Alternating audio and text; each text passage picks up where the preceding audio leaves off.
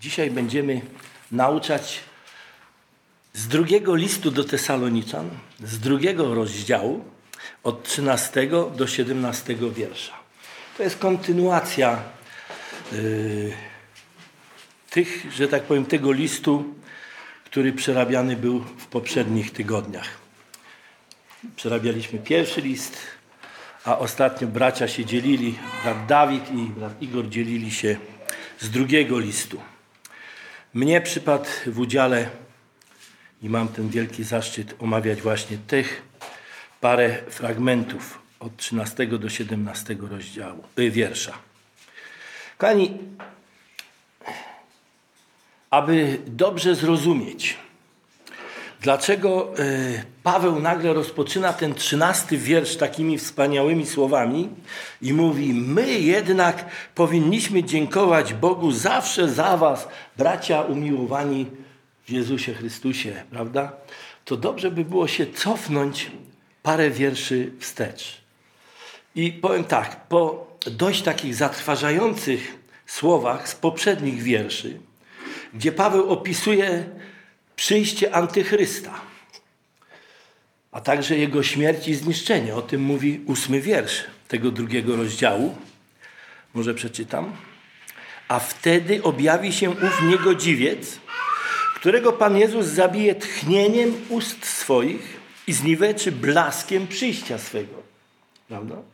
To w dalszej części Paweł opisuje naśladowców, a więc tych ludzi, którzy naśladują antychrysta. Dzisiaj jak czytany był ten psalm, to w jednym z tłumaczeniu, w tym 22 psalmie jest takie tłumaczenie, że ci, którzy patrzą na śmierć Mesjasza, sycą się jego nieszczęściem. No to, to jest takie, takie tłumaczenie jest bodajże w tej Biblii. Paweł troszeczkę inaczej tam miał to tłumaczone, ale tak, są ludzie, którzy żyją po to, żeby Przeszkadzać to mało powiedziane. Żeby naprawdę y, robić coś bardzo złego innym i w tym mają jakieś takie zadowolenie, jakieś takie coś, coś miłego to jest dla nich i tak dalej. I ci ludzie, właśnie później ten Paweł pisze, że są naśladowcami tego antychrysta. I o tym doskonale mówi właśnie 11 i 12 wiersz. I mówią tak, syła Bóg na nich ostry obłęd także wierzą kłamstwu, aby zostali osądzeni wszyscy, którzy nie uwierzyli prawdzie, lecz znaleźli upodobanie w nieprawości. I to są właśnie ci ludzie, to są właśnie ci ludzie. No, nie powinniśmy się za tym dziwić, że y, zostaną oni w należyty sposób osądzeni przez Boga. Są to ludzie, którzy odrzucili Ewangelię i to zrobili w czasie łaski. Przypomnę tylko, że czas łaski to jest również i ten czas, w którym my mamy przywilej obecnie żyć. My żyjemy w czasie łaski, żeby to było dla wszystkich wiadomo. Ale w Tesalonice żyją również ludzie, którzy zaufali Ewangelii. I właśnie o nich jest poświęcona ta część listu, którą teraz będziemy chcieli troszeczkę omówić. I przeczytajmy, kochani, od 13 wiersza. My jednak powinniśmy dziękować Bogu zawsze za Was, bracia, umiłowani przez Pana, że Bóg wybrał Was od początku ku zbawieniu przez ducha, który uświęca i przez wiarę w prawdę. Do tego też powołał Was przez Ewangelię, którą głosimy, abyście dostąpili chwały Pana naszego Jezusa, Chrystusa. Przeto, bracia, trwajcie niewzruszenie i trzymajcie się przekazanej nauki, której nauczyliście się, czy to przez mowę, czy też przez nasz list. A sam Pan nasz Jezus Chrystus i Bóg, Ojciec nas, który nas umiłował i dał pocieszenie wieczne i dobrą nadzieję z łaski, niech pocieszy serca wasze i utwierdzi was we wszelkim dobrym uczynku i w dobrym słowie. Kochani, już na samym wstępie e, widzimy, że Paweł pragnie okazać wdzięczność Bogu za tych Tesaloniczan, którzy przyjęli Ewangelię Chrystusa. Proszę zauważyć, że Paweł nie przypisuje sobie żadnych zasług w nawróceniu tych ludzi. On kompletnie o tym nawet nie wspomina. Ale całkowicie oddaje to Bogu i chce złożyć podziękowania Bogu za tych braci. W ten sposób zwraca nam uwagę, że nawrócenie kogokolwiek nie jest dziełem człowieka. Ale jest to dzieło samego Boga. Człowiek wierzący powinien być posłusznym narzędziem w rękach Pana. I takim narzędziem właśnie był Paweł. Doskonale o tym y, opisuje to dzieje apostolskie, o tym mówią, dziewiąty rozdział, gdzie tam jest opisane nawrócenie Pawła, prawda? I on trzy dni jest tam w pewnym mieszkaniu i nagle Ananiasz dostaje, yy, widzi Pana Jezusa i Pan Jezus do niego mówi, słuchaj Ananiaszu, pójdziesz tam na ulicę prostą, tam jest człowiek imieniem Paweł, który się modli i tak dalej, nałożysz na niego ręce, aby przejrzał i tego. A Ananiasz na to mówi, że Panie Jezu, wiesz, ten człowiek bardzo wiele złego wyrządził chrześcijanom, jak również nawet dzisiaj ma takie listy od przełożonych synagogi, żeby aresztować.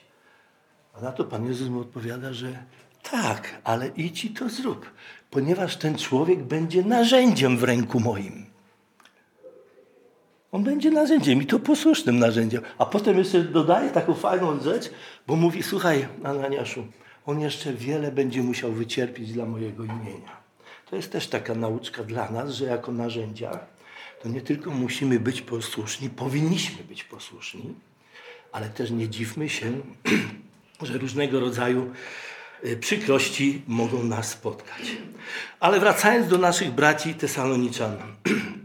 Paweł mówi o nich, że oni są braćmi umiłowanymi przez Pana. Takich określa.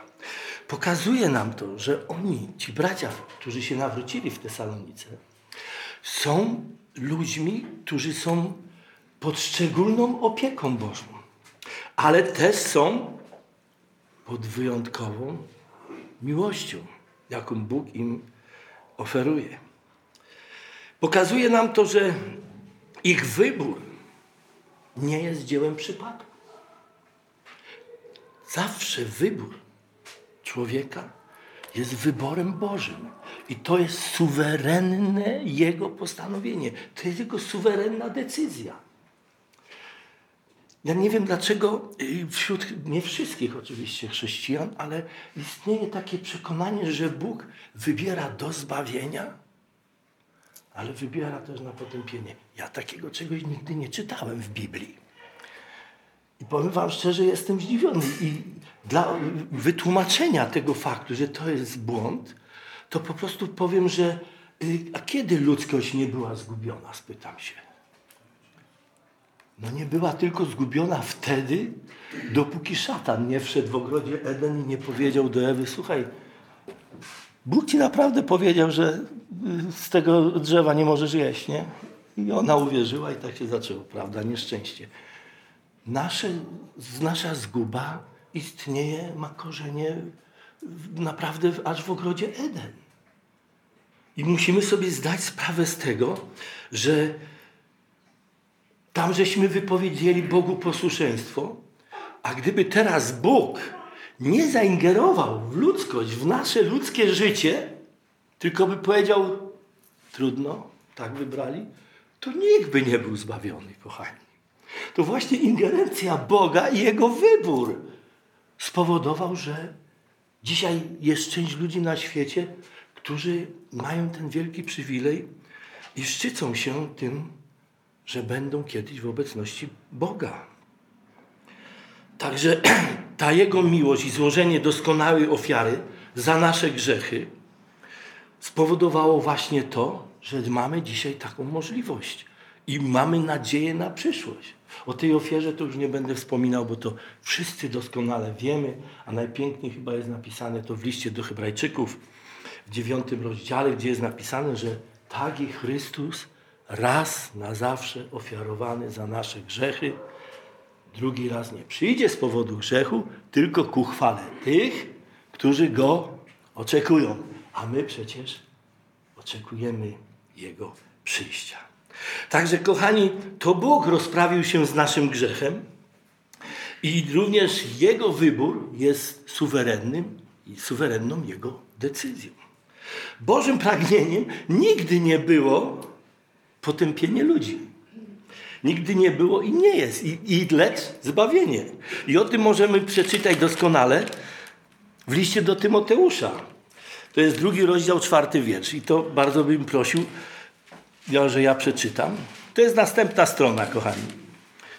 Tam jest napisane tak. Y, y, który chce, to jest mowa o Bogu, który chce, aby wszyscy ludzie byli zbawieni i doszli do poznania prawdy. Tak. I podobnie też jest napisane w drugim liście Piotra, który w podobnym tonie, który Piotr mówi tak, że nie zwleka Bóg z przyjściem, tylko chce nas wszystkich do zbawienia doprowadzić. To było pragnieniem i jest pragnieniem Boga. Zbawić ludzi. Zbawić ludzi. Tesaloniczanie doświadczyli tego pragnienia poprzez właśnie wybór, jakiego dokonał Bóg. Paweł pisze, że Bóg wybrał ich od początku, prawda?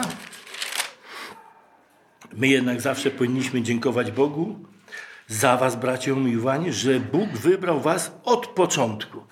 Kochani, jak czytamy takie słowa od początku, to zaraz nam przychodzi na myśl list Efezjan, prawda? W którym jest napisane, że Bóg wybrał nas przed założeniem świata. To jest coś pięknego. Nie wiem, to nie, nie starajmy się tego zrozumieć. Ja proponuję, żeby to przyjąć po prostu wiarą, bo to szkoda umysłu na, na, i wysiłku, bo to się nie da zrozumieć. Ale po prostu to wygląda troszkę tak, że w odwiecznej przeszłości Bóg wybrał tych, którzy będą z nim w niebie. To tak krótko tylko powiem. Ale co się okazuje? Również jest taki wspaniały brat, nazywa się William MacDonald i on napisał komentarz do Nowego Testamentu. I ten człowiek sugeruje tam, że nie tylko ten zwrot, że wybrał nas od początku, świadczy o wybraniu nas przed założeniem świata, ale przede wszystkim on sugeruje, że właśnie Tesaloniczanie są takim pierwszym owocem z grupy, że tak powiem, pogan, którzy się nawrócili, czyli zostali wybrani, ale w okresie łaski. Że to właśnie ich tyczy, że to się akurat ten moment nie odnosi do początku y, wyboru, czyli sprzed założenia świata. Możemy wybrać tą wersję, możemy wybrać tą wersję, ale którą byśmy nie wybrali, jedno jest w stu procentach pewne, że wybór którego dokonał Bóg, prowadzi ku zbawieniu. Obojętnie, jak byśmy nie zrobili, Bóg wybrał tych ludzi i nas ku zbawieniu, do zbawienia. Co to znaczy, że do zbawienia nas wybrał? To znaczy, że wybrał nas do przebaczenia, do uratowania, do spędzenia z Nim przyszłości, że uratował nas od wiecznego potępienia. I to jest właśnie wybór dotyczący ludzi wierzących. Ludzie niewierzący potępili siebie sami. I to możemy przeczytać właśnie w dziesiątym wierszu. Bo ten dziesiąty wiersz, troszeczkę jakbyśmy się cofnęli, mówi nam tak. Wśród wszelkich podstępnych oszustw wobec tych, którzy mają zginąć, dlaczego? Ponieważ nie przyjęli miłości prawdy, która mogła ich zbawić. Kochani, ludzie niewierzący sami siebie skazali na potępienie. Dlaczego? Ponieważ nie przyjęli tej prawdy, która mogła ich zbawić. Natomiast ludzie wierzący są wybranymi ku zbawieniu. I tutaj bym dodał jeszcze, że są oddzieleni, są uświęceni oddzieleni od czynów świata, a dla kogo są oddzieleni? Dla Pana Jezusa. I to w dalszym tym tekście widać. Ku zbawieniu przez ducha, który uświęca i przez wiarę w prawdę. Kochani, nasze życie nie byłoby nigdy życiem uświęconym, gdyby nie praca Ducha Świętego. Nie ma takiego człowieka na świecie, który stał się święty, bo tak postanowił. Nie, tak, nie, nie ma. To jest nie, nie, nie, niemożliwe. Tak nigdzie nie znajdziemy. I tego nie jesteśmy w stanie w ogóle zaakceptować. To jest nieprawda. Nie? A już, no nie będę mówił, ale przez są, my znamy takie, są święci nominowani tam przez kogoś. No to już jest kompletnie nieporozumienie, ale o tym nie mówimy. Mówimy o tym, że zostali ludzie wybrani i uświęceni przez pracę Ducha Świętego. Ale żeby to życie, tak jak wspomniało, było życiem uświęconym, to ten wybrany człowiek musi jedną rzecz zrobić. Mianowicie musi się poddać pracy Ducha Świętego. Musi poddać się Jego pracy, temu, co On z nim robi, z tego, co On z nim działa. Jeżeli tego nie zrobi będzie dalej stał okoniem, no niestety, no, jego sytuacja nie będzie taka, jak, jakby się wy, wydawało. Nie? A więc, aby doznać tej przemiany, bo do tego również nas powołał Bóg i to może przeczytam z kolei z pierwszego listu, bo bracia to co prawda omawiali, y, w pierwszym liście.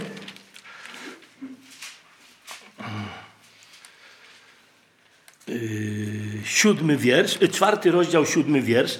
Bracia o tym mówili i tak. Albowiem nie powołał nas Bóg do nieczystości, ale do uświęcenia. Prawda? Tak jest napisane i taka, taki jest fakt też, nie? I to jest właśnie to, do czego nas Bóg powołuje, a więc musimy się poddać pracy Ducha Świętego. Kolejny wiersz mówi tam o tym, że do tego też powołał was przez Ewangelię, którą głosimy, abyście dostąpili chwały Pana naszego Jezusa Chrystusa. W tej krótkiej wypowiedzi Paweł dostarcza nam pewności i wiarygodności, że Ewangelia, którą głosi, albo którą myśmy poznali, jest Bożą Ewangelią. Ja nie wiem, czy zauważyliście, że on to wprost udowadnia, że jedyną Ewangelią to jest właśnie ta Ewangelia. A polega to, kochani, na tym, że gdyby Ewangelia, którą głosi Paweł, była nieprawdziwa, to proszę mi wierzyć, Bóg nigdy by nie dokonał na podstawie Ewangelii wyboru i nigdy yy, by, że tak powiem, yy, nie doszło do tego, yy, co tutaj czytamy że dostąpimy chwały Pana naszego Jezusa Chrystusa. To jest najlepsze, że Bóg właśnie dokonał tego wyboru na podstawie Ewangelii, którą głosimy. To jest dowód na to, że Bóg współdziała i ta Ewangelia jest prawdziwą Ewangelią. Każda inna, Bóg by się do niej nie przyznał i nigdy by tego nie zrobił, nie dokonał. Wybór ludzi, można powiedzieć, że dokonał się przed założeniem świata. Ale fakt też jest taki, że jeśli chodzi o Ewangelię, to zbór w Tesalonice to nie był jedynym zborem, który miał kłopoty z tą z Ewangelią, bo przychodzili ludzie i różne tam historie opowiadali. Bardzo łatwo można to znaleźć w liście do Galacja, gdzie w pierwszym rozdziale, w szóstym wierszu czytamy takie słowa. Dziwię się, że tak prędko dajecie się odwieść od tego, który was powołał w łasce Chrystusowej do innej Ewangelii. I siódmy wiersz. Chociaż innej nie ma, są tylko pewni ludzie, którzy was niepokoją, chcą przekręcić Ewangelię Chrystusową. I do tej Ewangelii, że tak powiem nieładnie przekręconej, Bóg się nie przyznaje i nie będzie działał. Tak jak wspomniałem, wybór ludzi wierzących dokonał się przed założeniem świata. Ale realizacja tego wyboru rozpoczyna się z chwilą przyjścia na świat Ewangelii, czyli dobrej nowiny o Synu Bożym, o Panu Jezusie Chrystusie. To dzięki Ewangelii poznaliśmy Zbawiciela. To dzięki Ewangelii poznaliśmy miłość Bożą. to przez Ewangelię nam został objawiony Bóg. W Ewangelii Jana w pierwszym rozdziale czytamy, że Boga nikt nigdy nie widział. Ale ten jednorodzony Bóg na łonie Ojca swego nas o nim pouczył. Jak moglibyśmy mówić o Bogu, poznać Go, Jego charakter, Jego troskę, Jego miłość, gdyby nie Ewangelia? To jest niemożliwe. A więc ta Ewangelia ma nieprawdopodobne znaczenie. Nam został objawiony Bóg i to Bóg, który, że tak powiem, w niedalekiej przyszłości, i tu podkreślę słowo w niedalekiej, żeby bracia nie myśleli, ani siostry, że mamy jeszcze dużo czasu. Nie, nie. Ale w niedalekiej przyszłości co chce zrobić? Wyobraźcie sobie, że chce zamieszkać między ludźmi. Odwieczny Bóg. I o tym mówi 21 rozdział Księgi Objawienia. Nie? Tam możemy, a może chwileczkę przeczytam, bo to jest wspaniały tekst. 21 rozdział, trzeci wiersz. No można by było od pierwszego. O, trzeciego, dobra. I usłyszałem donośny głos z tronu mówiący: Oto przybytek Boga między ludźmi. I będzie mieszkał z nimi, a oni będą Jego ludem, a sam Bóg będzie z nimi. Potem czytamy, że On otrze wszelką łzę, już więcej trosk nie będzie, śmierci nie będzie i tak dalej. Nie? Coś wspaniałego.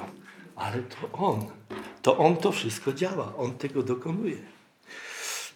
I to jest ten właśnie fakt, który dzięki Ewangelii Pana Jezusa, bo to jest również Jego Ewangelia, możemy poznać. Również Paweł wskazuje nam na przyszłość i obecność naszą w chwale Pana naszego Jezusa Chrystusa. Nie wiem, czy do końca rozumiemy, co to znaczy być w chwale. Ja kiedyś miałem takie kazanie, króciutkie wypowiedź na temat chwały że to jest, o może inaczej, Psalm 19 nam mówi, że ziemia napełniona jest chwałą Pańską. Tak, wszystko to, co widzimy, co nas otacza, co podziwiamy, czym się zachwycamy, to to jest Jego dzieło. To nie myśmy zrobili. Te piękne góry, pagórki, kaniony, to, to On tego dokona. To, to ja tego nie budowałem, wy też nie, nie, kochani. Ale również chwała Boża to jest to duchowe piękno, które my, ludzie, doświadczamy, z którym się nieraz spotykamy. Nie? Był taki człowiek, który był zachwycony do trzeciego nieba. I któregoś dnia, gdy potem napisał, to mówi, że słyszał rzeczy, słowa niewypowiedziane, ale nie powtórzy tego, bo nie godzi się powtarzać tego, co tam zobaczył. Tak, on zobaczył to piękno, które Bóg dla nas przygotowuje, do które my czekamy, do którego my zmierzamy, kochani. To jest ta chwała. Niczym żeśmy nie zasłużyli sobie na to, żeby mieć udział w Jego chwale. Niczym. Jakbym się spytał ja Pana Jezusa, Panie, dlaczego ja mam mieć udział w Twojej chwale? Przecież ja nic nie zrobiłem dobrego. Bo taka jest prawda. A ile Cię to kosztowało? To będzie jedna odpowiedź. Pokazane ręce i powiedzieć moje życie. To jest, to jest to, o czym dzisiaj Paweł tu mówił przy pamiątce. To jest nasza przyszłość. Ale wspominajmy to, co On dokonał, to, co On zrobił. Spożywajmy z godnością, z szacunkiem te symbole, bo one mówią o Jego śmierci, o Jego ciele.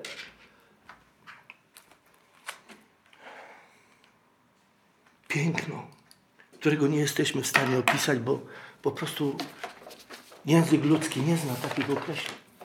Tak to wygląda. Ale to jest to, o czym Paweł pisze, że abyśmy dostąpili chwały Pana naszego Jezusa Chrystusa. I później pisze, przeto bracia, trwajcie niewzruszenie i trzymajcie się przekazanej nauki, którą nauczyliście się, czy to przez mowę, czy przez list nasz. Aby być zachowanym właśnie do tego wspaniałego dziedzictwa, o którym dzisiaj też była tu mowa, to właśnie Paweł pisze te słowa w formie, bym takiego powiedział, trochę przesłania. Może to nie jest nakaz, chociaż słowo nakaz też by było dobrze. Ten, ten właśnie y, y, piętnasty wiersz stał się takim nakazem, który właściwie powinniśmy wypełniać. Zastosowanie się do słów Pawła pozwala nam utrzymać dobrą relację z Bogiem, prawidłową relację z Bogiem, a także przejść bezpiecznie przez trudy życia. To pozwoli nam również osiągnąć najwyższy cel, do jakiego zostaliśmy powołani. Ja wiem, że zdecydowana większość z nas w tym momencie myśli, że największy cel to jest być zbawionym. Tak, ale jest jeszcze większy cel, o którym Paweł mówi.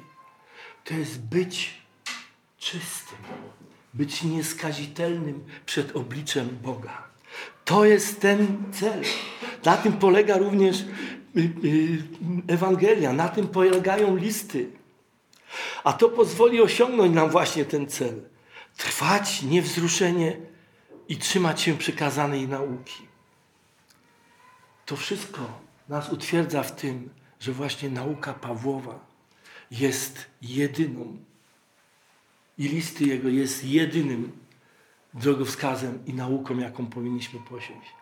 Kochani, on tu pisze o tym, żeby yy, być, trwać niewzruszenie i trzymać się. To słowo trwać jest użyte również tak pięknie y, w, tym, w dziejach apostolskich, gdzie jest napisane, że trwali oni w nauce, w łamaniu chleba i tak dalej. Nie?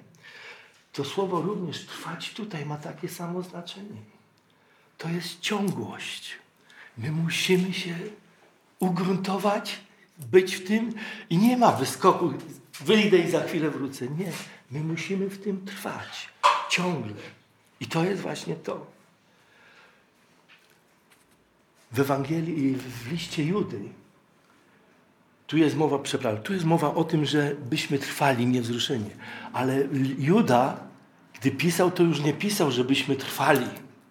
Bo po prostu, że tak powiem, ten duch antychrysta coraz bardziej już wszedł. Juda już nie pisał, trwajcie niewzruszenie. Tylko co on pisał? Walczcie o wiarę raz na zawsze przekazaną świętym. Już widać było, że samo trwanie troszkę mało. Już trzeba podjąć działania konkretne. I to jest właśnie to. Natchnione Duchem Świętym wypowiedzi apostołów oraz ich y, pisemna nauka czy listy znajdziemy gdzie? W zbiorze Pisma Świętego Nowego Testamentu. Słowo, które również wypowiadał sam Pan Jezus i ostrzegał nas przed lekceważeniem tego słowa, możemy przeczytać w Ewangelii Jana, w 12 rozdziale, 48 wiersz. Tam jest napisane, Pan Jezus mówi, że kto mną gardzi, nie przyjmuje słów moich, tego to słowo będzie osądzać. A więc jest to bardzo ważna rzecz. Święty Paweł kończy ten, ten, ten trzynasty, to przesłanie swoje taką modlitwą. Powierza on Tesaloniczan Panu Jezusowi i Bogu, czyli naszemu Ojcu. A sam Pan Jezus i Bóg, Ojciec nas, który nas umiłował i dał pocieszenie wieczne i dobrą nadzieję z łaski, niech pocieszy serca wasze i utwierdzi was we wszelkim dobrym uczynku i w dobrym słowie. Pani, jakie wspaniałe jest to określenie, że dał nam Bóg pocieszenie wieczne. No, nasi znajomi, nasi przyjaciele, gdy mamy trudności, zawsze chcą nas w jakiś sposób pocieszyć. Nie? No, najczęściej to się odbywa to w ten sposób, że słuchaj, nie martw się, jakoś to będzie. To takie, takie mamy jakoś jako ludzie przyzwyczajeni. Nie? A przecież każdy problem, każdy trud potrzebuje nie tylko pocieszenia, ale i rozwiązania. Nie? A tutaj czytamy, że Bóg dał nam pocieszenie wieczne. A więc co to znaczy? Że Boża troska rozciąga się na całą wieczność. Pomoc Jego nie jest tylko od wczoraj, ale była od zawsze i rozciąga się na wieczność. To są te słowa, które też tu dzisiaj padły. My nigdy nie jesteśmy sami. On zawsze jest przy nas. Czy go widzimy, czy nie widzimy, czy czujemy, czy nie. Bądźmy pewni, że jesteśmy, że On jest przy nas. Mój przyjaciel, którego kiedyś spotkałem po no, może 12 latach, a on spowodował że to, że ja się nawróciłem, to powiedział do mnie, mówi, Lutek, mówi, to jest coś cudownego. Ty wiesz, że ja od 30 lat nigdy jeszcze nie wyszedłem sam z domu? Mówi obojętnie, czy bo jego żona ma na imię Lila. To czy Lila jest ze mną, czy jej nie ma, czy dzieci są, czy nie ma. Nigdy jeszcze nie byłem sam. I to jest właśnie to, o czym tu Paweł pisze. Dał pocieszenie na wieczność. Dobrą nadzieję z łaski. Oznacza to, że ciągła, nieustająca opieka jest nad wybranym człowiekiem. Człowiek wierzący nigdy nie jest sam. I to jest objaw wyjątkowej miłości Boga. Miłości, która się wypełniła w osobie Pana Jezusa Chrystusa. Ewangelia Jana, trzeci rozdział, szesnasty wiersz. Albowiem tak Bóg umiłował świat, tak, że Syna swego jednorodzonego dał, aby każdy, kto weń wierzy, nie zginął, ale miał życie wieczne. To jest to cud. To jest to wspaniałe. To dzięki Panu Jezusowi. Mamy wieczne pocieszenie oraz nadzieję zbawienia, która dana jest nam z łaski. Paweł modli się, aby Bóg pocieszył serca wierzących Tesaloniczan i utwierdził ich. Warto zwrócić uwagę na ostatnie słowa tego wiersza. Utwierdził we wszystkim dobrym, w uczynku i w dobrym słowie. Kochani, tak, jest bardzo prawdopodobne, że Paweł chciał zaznaczyć bardzo ważną rzecz, albo może postępowanie, które nieraz nam w życiu umyka. Jeżeli jesteśmy chrześcijanami i mówimy o sobie, że jesteśmy chrześcijanie, tak? A jemy albo y, żyjemy troszeczkę po pogańsku, to nie jest to. Paweł nam tu wskazuje na to, że nasze głoszenie nie wystarczy, aby poganie się nawrócili. Nie. Oni muszą widzieć nasze postępowanie i ono musi być zgodne z tym, co mówimy. Jeżeli nie jest zgodne, to niestety to jest nie okej. Okay. To nie jest dobrze. Ja mam taką propozycję, abyśmy się uczyli od najlepszego, nie? A najlepszym to był Pan Jezus Chrystus. On zawsze czynił dobrze i mówił. On to, co mówił, to czynił. Nie było rozbieżności między głoszeniem dobrej nowiny, a uczynkami, które powiedział. Jego głoszenie oraz y, Ewangelia była zgodna, spójna. I to żeśmy się przekonali, gdzie? Na Golgocie. Tam nam potwierdził. Tak. On tak kochał, że mówi tak. Złożę doskonałą ofiarę. I nie ma rozbieżności między tym, co jego nauką, a jego postępowaniem. Jak wygląda to w naszym życiu, to nie będziemy o tym w tej chwili mówić. To każdy sam w modlitwie przed tronem pańskim sobie postanowi i skoryguje swoje, swoje postępowanie względem głoszenia. Kochani, w tych krótkich sześciu wierszach chciałbym podsumować je to, o czym tutaj y, Paweł y, nam mniej więcej pisze. W tych krótkich sześciu wierszach pierwsza rzecz jest taka. Słowo Boże uczy nas, że powinniśmy być wdzięczni Bogu za każdą nawróconą osobę. To jest wielki. Kochani, znacie tą historię, nie? Że poszedł Pan Jezus i mu dziełstawił 99 owiec, a poszedł po tą jedną. Jak ją przyniósł, to co? Całe niebo się radowało z jednej znalezionej. I dzisiaj jest to samo. Dzisiaj całe niebo raduje się z jednego nawróconego grzesznika. I bądźmy Bogu wdzięczni za to, że właśnie takiego wyboru dokonuje. To jest właśnie to. Powinniśmy szanować Boży wybór. Gdyż co? Gdyż to Bóg wybiera nas ku zbawieniu, ku ratunkowi naszemu. Zabiera nas z potępienia, które niestety grozi części świata, a przenosi nas w inne miejsce, nie? O tym ostatnio na studium mówił brat Mirek i to jest napisane w liście do y, Kolosan.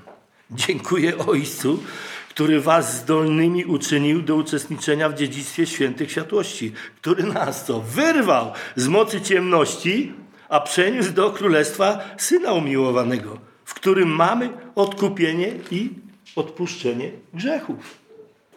A.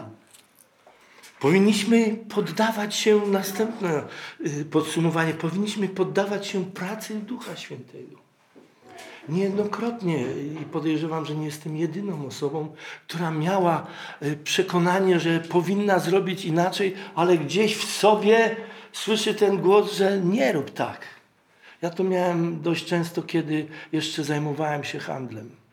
Ja wiem, że to może być takie trochę y, trywialne, ale y, miałem nawet takie uczucia, że przychodziłem gdzieś w furtowni i patrzę, że jest maślanka. Mówię, nie no przecież jak wyjeżdżałem to jeszcze sześć było, czy osiem, nie będę brał, wezmę następnym razem. Nie wziąłem. Przyjechałem i pierwsze słowa były. Szef jak kupił szef maślankę? No nie, no tyle było. Ale przyszła pani z baru, wszystko wzięła. Kochani, przecież coś ci mówiło, zrób. To jest takie, to jest byle co można powiedzieć, ale dotyczy to również, ten głos dotyczy spraw poważniejszych. Powinniśmy dziękować Bogu za Ewangelię, dobrą nowinę, bo dzięki niej żeśmy poznali Boga, Jego miłość, a także będziemy mieli udział w Jego chwale. Powinniśmy także być ugruntowani w Słowie Bożym i trwać niewzruszenie w przekazanej nam przez apostołów nauce. I to bez znaczenia, czy mówionej, czy pisanej. Ta nauka ma to do siebie, że ona nas nie tylko kształtuje, ale pogłębia naszą wiarę. My jeszcze bardziej poznajemy. My go nigdy do końca nie poznamy, bo Słowo Boże nas uczy, że całą wieczność będziemy poznawać Pana Jezusa Chrystusa, prawda? Także tutaj nie liczmy się, y, że na ziemi, że tak powiem, poznamy wszystko. Nie. Ale to nas umacnia. To nam daje siłę. To nam daje przekonanie. Wtedy otwarcie możemy stanąć do rozmowy, do, do czynów i tak dalej.